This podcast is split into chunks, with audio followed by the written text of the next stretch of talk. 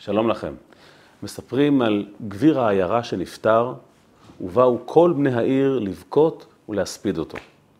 בני המשפחה בכו על אובדן אביהם הגדול. גבאי הצדקה בכו על אובדן הקרקע הכלכלית שהלכה לאיבוד. והעניים כמובן בכו על התמיכה שהלכה ואיננה. ואז משום מקום הופיע בן אדם לא מוכר, עמד בקצה בית העלמין ובכה יותר חזק מכולם. מי הבן אדם? ניגש אליו אחד מהבנים של הגביר ואמר לו, סלח לי, אתה הכרת את אבא? היה לך קשר עסקי, קשר פילנטרופי? לא, ענה האיש, שום קשר. אז למה אתה בוכה? שאל הבן. בדיוק בגלל זה, ענה האיש. אין שום דבר משמח ביום פטירה של אדם. מכל כיוון שלא נהפוך את זה, פטירה היא דבר עצוב. אפילו התורה אומרת שפטירה היא דבר נורא. יושבים שבעה וישנה, וישנם שלושים. איך יום פטירה של רבי שמעון בר יוחאי הפך ליום השמח ביותר בלוח השנה היהודי, וזה חוצה מגזרים, כולם נורא מאושרים. מה אתם מאושרים? יהודי נפטר. נכון, נכון שביהדות מקובל שכשאדם נפטר זה מסמל את העובדה שהוא הגיע לפסגת חייו, לשלמות עבודתו, ועדיין, הוא עזב אותנו, נשארנו לבד. על מה השמחה הגדולה? אז הוא השאיר ספר, שניים, סדרה, אבל הוא איננו. ואיך היום הזה הפך להילולה? הילולה משמעותה חתונה. מה הקשר בין חתונה, זה התרגום המילולי, חתונה ליום פטירה? הדבר הכי מעניין הוא שרבי שמעון בר יוחאי עצמו חי לפני קרוב לאלפיים שנה. רבי שמעון נולד בשנת 70 לספירה, זה ממש קרוב לחורבן בית שני. זה אלפיים שנה פחות או יותר. ואילו ל"ג בעומר הפך להיות היום המפורסם של הילולת רשב"י רק לפני 500 שנה, על ידי מי ששינה הרבה מאוד דברים ביהדות, האריזל. האריזל הוא זה שהפך את היום הזה למה שהוא, והדבר הזה תפס בכל קצוות עם ישראל בצורה חסרת תקדים. מה הסוד מאחורי יום שכולו סוד? מה עניינו של יום ל"ג בעומר? כדי להבין את הסיפור של ל"ג בעומר, צריכים לראות את התמונה המלאה.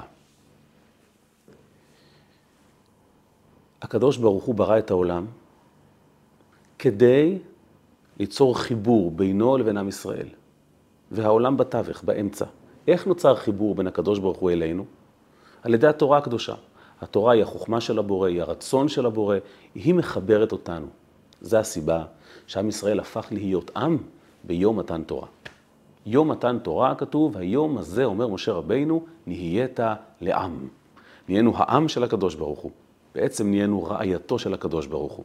יום מתן תורה הוא היום אשר קידשנו במצוותיו. התחייבנו לקיים את הרצון של הבורא, ובכך הוא קידש אותנו. כמו שחתן מקדש את אשתו, מבדיל אותה מכל העולם, והיא נהיית מיוחדת רק לו, אלוקים הבדיל אותנו מכל העמים. המצוות והתורה מחברים אותנו ישירות לקדוש ברוך הוא.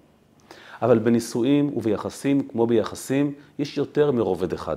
כשעומדים תחת החופה ומקדשים את האישה, זה כמובן רק ההתחלה. הרי יש כאן, גלומים פה עוד הרבה מאוד מימדים שהתגלו רק בהמשך. הרי אי אפשר לצפות שברגע הקידושין, כשמעניקים טבעת לאישה, הם יחושו את כל הקשר המיוחד והחיבור הנפלא של זוג שנשוי מאה שנים. לא ייתכן. צריכים לעבור חוויות יחד, להכיר, להפנים, להבין, להרגיש, לרצות. כך זה גם בדיוק עם התורה. התורה, יש לה הרבה מאוד רבדים עמוקים. וכדי להשיג אותם צריך לעבור שלב אחר שלב, להתחבר לקדוש ברוך הוא, ובכל נקודה עמד צדיק שהיה זה שחיבר ותיווך עוד שלב, עוד עומק, עוד קשר בין עם ישראל לבין הבורא. אז ראשון המחברים הוא משה רבינו. משה רבינו, אבי תורה שבכתב, זה שהפך אותנו לעם בקדושתו, עד כדי כך שהתורה קרויה על שמו, תורה ציווה לנו משה. הוא נתן את התורה הנגלית, תורה שבכתב. התורה הזו שהפכה להיות בעצם נחלת העולם כולו, אבל הפרשנות רק בידינו שלנו. התורה הזו, הרובד המעשי הזה שבתורה, הוא קובע שכשאדם נפטר צריכים להיות באבל. וזו הסיבה שמשה רבינו, יום פטירתו עד היום, הוא יום של תענית. לא כולם צמים, אבל אנשי החברה קדישא, האנשים שעוסקים בקבורה יום-יום, צמים מדי שנה ביום פטירתו של משה רבינו, כי משה רבינו אחראי על הרובד המעשי בין יהודים לקדוש ברוך הוא, וברובד המעשי אין מה לשמוח ביום פטירה של אדם, ולכן זה יום אבל. הקשר של עם ישראל עם הקדוש ברוך הוא המשיך והתהדק, המשיך והופנם. עם ישראל קיבל את התורה שבכתב, והיא הלכה והתפתחה עצמה, חמישה חומשי תורה, ואז נביאים וכתובים, אבל היה עוד רובד בתורה, שנשאר בסוד ועבר מפה לאוזן, תורה שבעל פה. עם ישראל לא כתב אותה, כי הקדוש ברוך הוא לא רצה שהיא תהיה נחלת העולם כולו. אם היינו כותבים, אז חוקרים מכל האומות היו לוקחים את הספרים, לומדים אותם, מאמצים חלק מהמנהגים, הקדוש ברוך הוא לא רצה. אי אפשר להיות יהודי רק עם ספר תורה. ספר תורה הוא סתום, ההוראות שבו לא ברורות. מה זה והיו לטוטפות בין עיניך? מה בדיוק צריכים לשים שם? מה הכוונה שכתוב לגבי סוכות שצריכים לקחת ענף עץ אבות? לא כתוב לולב, את הפרשנות, זה נשאר הסוד בינינו. אלף שנים ויותר. הפרשנות האותנטית של התורה עברה מפה לאוזן, מאב לבן, מרב לתלמיד. זה פלא שלא יאומן. המסורת היהודית עברה בעל פה ונשארה כמו שהיא. הם נאבקו לשמור עליה, למדו אותה ושיננו אותה, וזכרו ספריות שלמות בראש, והעבירו לתלמידים שלהם. והיו מקרים של שכחה, ואז תזכורת, דורות שלמים שכחו, ואז בא מישהו או שניים שזכרו והחזירו עטרה ליושנה. פלא פלאי פלאות. הרובד הזה של התורה, תורה שבעל פה, נשמר בשקט. וזו הסיבה שהתנ"ך הוא נחלת העולם כולו, אבל תורה שבעל פה הוא תמיד נשאר יהודי. לכן תמיד כשהגויים כעסו עלינו, הם תמיד שרפו את התלמוד ולא את התנ"ך. כי התנ"ך הוא אוניברסלי, אבל הפרשנות האותנטית היא שלנו. אבל הגיע היום שגם את התורה שבעל פה הוחלט לכתוב. וזה היה צעד משמעותי בקשר עם הקדוש ברוך הוא. עוד צעד בחתונה הזו בין ישראל לקדוש ברוך הוא, עוד מימד שהתחבר. מי נחשב לאבי תורה שבעל פה? אם משה רבינו הוא אבי תורה שבכתב, מי נחשב לאבי תורה שבעל פה? רבי עקיבא. כול הוא, כתוב, אליבא דרבי עקיבא. כל התורה שבעל פה שבידינו, כל ששת סדרי המשנה, שהם הבסיס להלכות שלנו, קיבלנו מרבי עקיבא.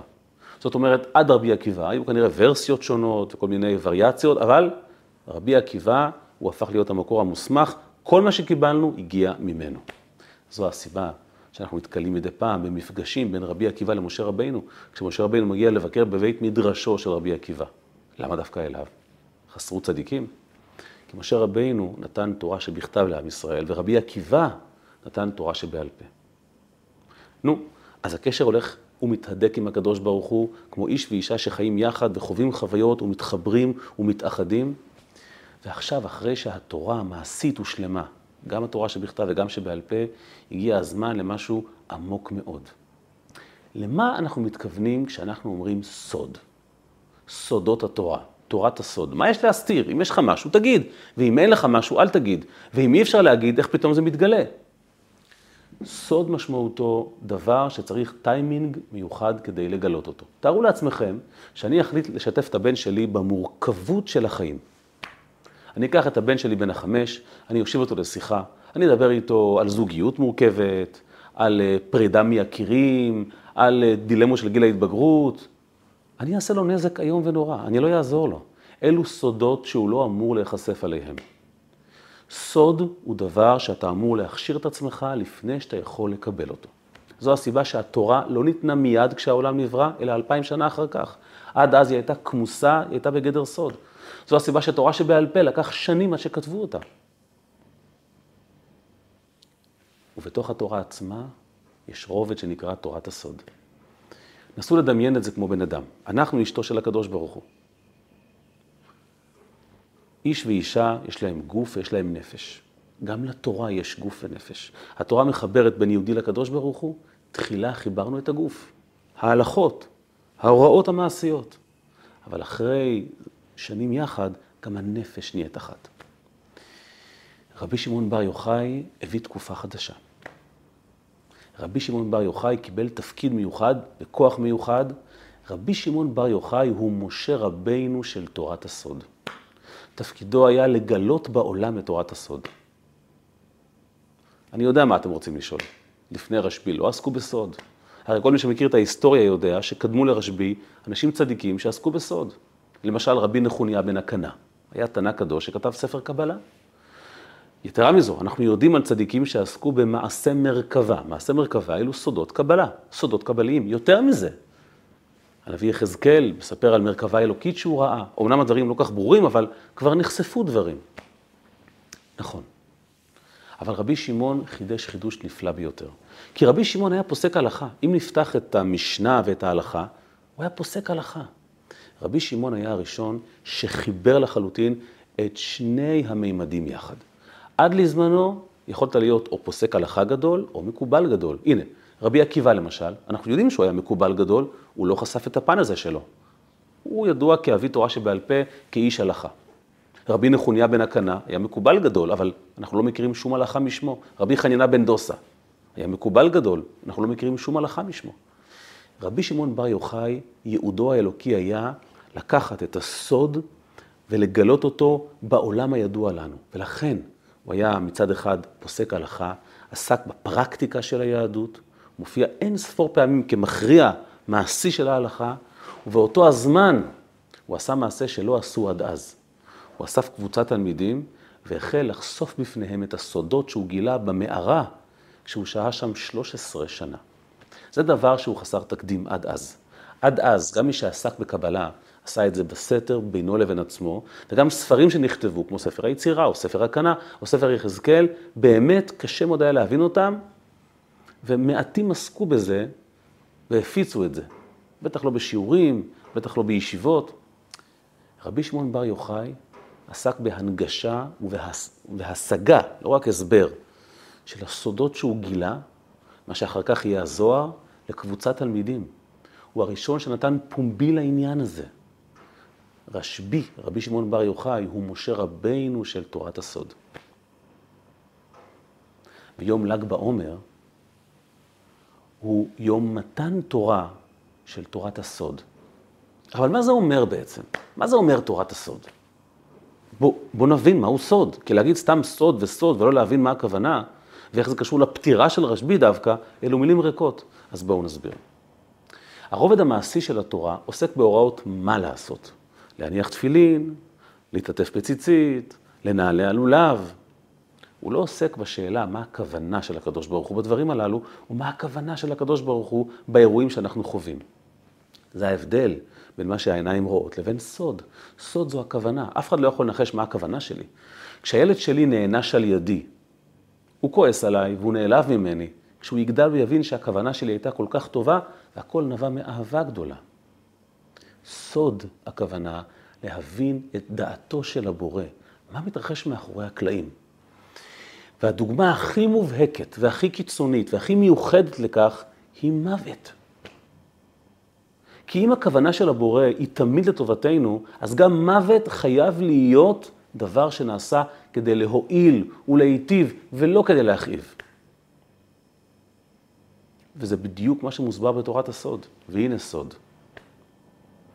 על פי תורת הנגלה, על פי התורה המעשית, מוות הוא חידלון, מוות הוא עצב, ולכן אבלים ביום פטירתו של משה רבינו.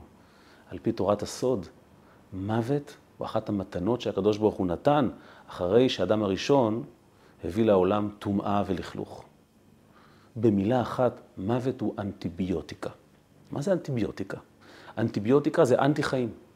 אנחנו רוצים לעצור את החיידקים הרעים כדי שלא יזיקו לנו. ביו זה חיים ואנטי זה נגד, אנטיביוטיקה. המוות נעשה מתוך רחמים גדולים. מדוע? כי כשאדם הראשון חטא, הוא הכניס אל תוך גופו רוע ויצר הרע, וקליפה וטומאה. זה מתבטא בכל הדחפים השליליים שלנו, הקנאה והשנאה והחמדנות והאגו. וכל התכונות האלה הן בסך הכל שלוחות של הרוע שמנסים לקחת דיבידנד מהחיים שלנו ולהכשיל אותנו. הקדוש ברוך הוא, כשראה שזה מה שעשה האדם הראשון, חשף את האנטיביוטיקה. מה שהוא עשה, הוא קצב את חייו של הגוף היהודי והאנושי. מדוע? כדי שתמיד נוכל, בשלב מסוים, להיפטר מהרע שמלווה אותנו. כשהגוף חוזר לעפר, הוא בעצם עובר ריסטארט. הריסטארט הזה מנתק ומייבש את כל הרע, כי הנשמה הקדושה לא חובה ריסטארט כזה. כל הטוב שעשינו נשאר, רק הגוף חוזר לעפר, עם כל הדחפים השליליים שלו. זאת אומרת, מוות נועד לעשות איתחול, לבטל את כל הרע שצברנו כל החיים, ולהשאיר אותנו רק עם הטוב. וזו הסיבה שכתוב בספרים, שכאשר יהודי חוזר בגלגולים לעולם הזה, הוא נושא איתו את כל המטען החיובי שהוא צבר בכל גלגול וגלגול, כל המצוות, כל התורה, כל החסדים שהוא עשה, כי הרע התפוגג לו ביחד עם הגוף שהפך לעפר ואפר.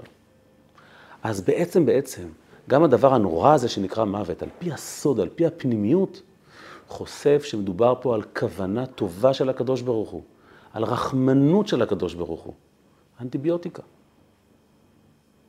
זאת אומרת, תורת הסוד מגלה לנו איך כל דבר בפנימיותו הוא חיובי והוא טוב. והדוגמה הכי טובה זה מוות. כי בלי תורת הסוד לא היינו מנחשים לעולם שבמוות יכולים להיות מוטיבים חיוביים של אהבה ואכפתיות. וזו הסיבה של ל"ג בעומר מצוין דווקא ביום פטירתו של רשב"י. נכון, יכולנו לחגוג את זה בכל יום אחר מחייו של רשב"י, אבל יום פטירתו של רשב"י מסמל איך רבי שמעון בר יוחאי פתח את הצוהר להבנה של כוונת הדברים. איך גם דבר עצוב מאוד, אם הוא נעשה בידי הקדוש ברוך הוא, הוא רק טוב, כי הפנימיות מייצגת אך ורק טוב. לכן משה רבינו של תורת הסוד, רבי שמעון בר יוחאי, יום פטירתו הוא יום של שמחה. כי על פי הסוד, על פי הפנימיות, כל דבר הוא שמח.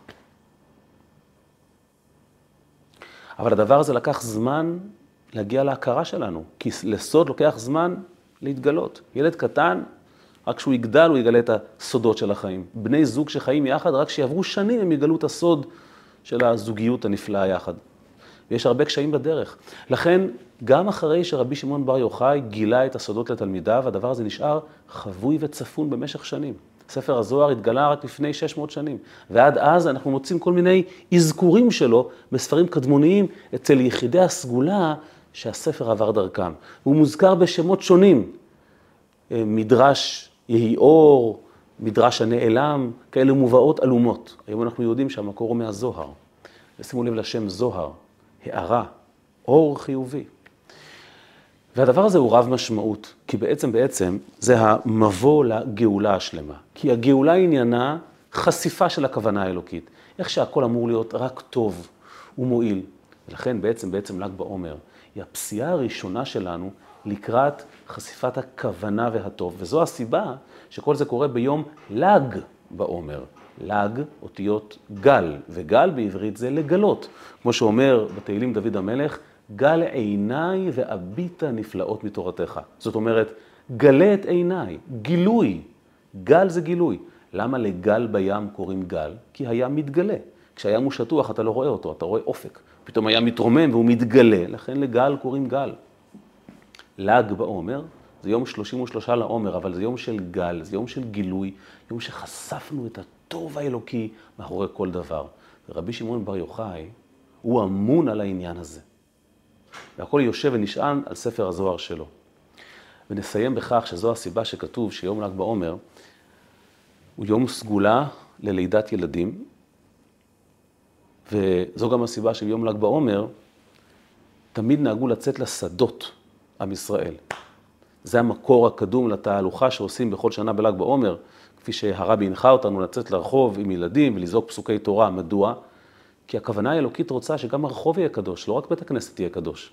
אבל הסיבה שיום ל"ג בעומר הוא יום שהיה תמיד סגולה ללידת ילדים, מכיוון שיום ל"ג בעומר הוא יום של חיים. עד כדי כך שאפילו פטירה של בן אדם, פתאום מגלים את המוטיב של החיים שבה. היא נועדה לעודד את החיים, היא לא חידלון, לכן זה יום של סגולת לידה. נסיים בסיפור. בכל שנה היו באים אנשים בל"ג בעומר ומבקשים מהרבי ברכה לישועה בנושא של, של ילדים. מספר רבי אלתר בוקץ, הוא שליח של חב"ד בבוסטון, שבשנת 1999 הוא נסע לציונו הקדוש של הרבי מלובביץ'. כשהוא הגיע הוא ראה שם חסיד, לא חב"דניק, חסיד סאטמר, עומד עם שני ילדים קטנים, בגיל בר מצווה, תאומים, והם עומדים להיכנס אל ציונו הקדוש אה, של הרבי. נכנסו, יצאו והחלו ללמוד בהתלהבות יחד מאמר חסידות של הרבי. הדבר הזה היה נורא מוזר לו, כי זה היה נראה לא כל כך אופייני לאותה חסידות שאליה השתייכו האנשים הנחמדים האלה. הוא ניגש אליהם, הוא אמר לו, שלום יהודי, שלום. מה אתם עושים פה? למה, למה באתם? אתם לא נראים חבדניקים, אבל אתם מתנהגים כמו חבדניקים. אמר לו אבי, אמר לו אבי המשפחה, הילדים האלה, התאומים האלה, הם ילדיו של הרבי. הרב בוקט הסתכל, ופתאום נפלו לו בראש כל כך הרבה אסימונים. הוא נזרק אחורה, אל שנת, אל שנת 1984. בשנת 1984 הוחלט שביום ל"ג בעומר, כל הזוגות שרצו ברכה לילדים, לא יעמדו ליד בית המדרש של הרבי, כי זה לא נעים להביך אותם, הם יעמדו בשעת הבוקר המוקדמת ליד ביתו הפרטי של הרבי מלובביץ', מקום יותר שקט ואינטימי, וכשהרבי יוצא, הם, הם, הם יבקשו ברכה. כיוון שהיה צורך בסדרנים, כי היו לא מעט זוגות לצערנו, אז הרב בוקט הזה היה אחד מהבחורים שנבחרו לעמוד שם ולעשות סדר, ותפקידו היה לפתוח את הדלת של הרכב של הרבי ולסגור אותה כשההמון בטח יצבע על הרכב. הוא עמד שם, והרבי יצא מהדלת. המרחק בין הבית לבין הרכב הוא לא גדול, כמה מטרים, אבל לקח 20 דקות לרבי להגיע מהבית לרכב, כי עמדו המון אנשים וביקשו בקשות, ואפשר להבין את ההתרגשות ואת האווירה. הרבי הגיע לרכב והתיישב בפנים, נכנס פנימה, ועמדתי לסגור את הדלת, אומר הרב בוקט, ופתאום הופיע חסיד סאטמר, ממש נדחף אל תוך הרכב, ואמר לרבי, רבה, אני נשוי כך וכך שנים, ואין לי ילדים, זה שמי, זה שם אשתי, זה שם אמי, מיד הוא רצה ברכה. אז רבי אמר לו, אמן. אז רבי יוסיף ואמר, נו, ייוולד ילד, אבל הוא צריך שעוד מישהו ישחק איתו. אותו אחד לא הבין. ורבי אמר לו, תגיד אמן, והוא אמר אמן. ואז הרב בוקט סגר את הדלת, אז הוא היה בחור, עוד לא היה הרב, סגר את הדלת, והרבי נסע לדרכו. כל המעשה הזה נשכח ממנו. ועכשיו, כל כך הרבה שנים אחרי, 13 שנים אחרי ליתר דיוק, עמדתי שם בציונו הקדוש של הרבי, ופתאום תפסתי שהתאומים הללו, אלו שני הילדים שנולדו מאותה ברכה בתוך הרכב. שהרבי אמר לו, נו, ייוולד ילד, אבל הוא צריך הרי לשחק עם מישהו. בעצם הרבי התכוון, ייוולדו לך תאומים. יום ל"ג בעומר הוא יום של חיים. גם בתוך החידלון, גם בתוך ה... מה שאנחנו מזהים כמוות, יש מוטיב חי, זה הסוד הגדול. לכן זה יום שמח כל כך, יום של גל, יום של גילוי, ולכן זה יום סגולי שבו יוצאים לרחוב לגלות את האלוקות בעולם, לא להשאיר אותה בבית הכנסת. יום של גילוי הסוד לכל באי עולם, שהקדוש ברוך הוא מתגלה, והוא רק, רק, רק טוב. בעזרת השם שנזכה לכל זה במהרה בימינו, בל"ג בעומר הקרוב, להתראות עם רשב"י ביחד בתהלוכות, והוא פועל ישועות בקרב הארץ.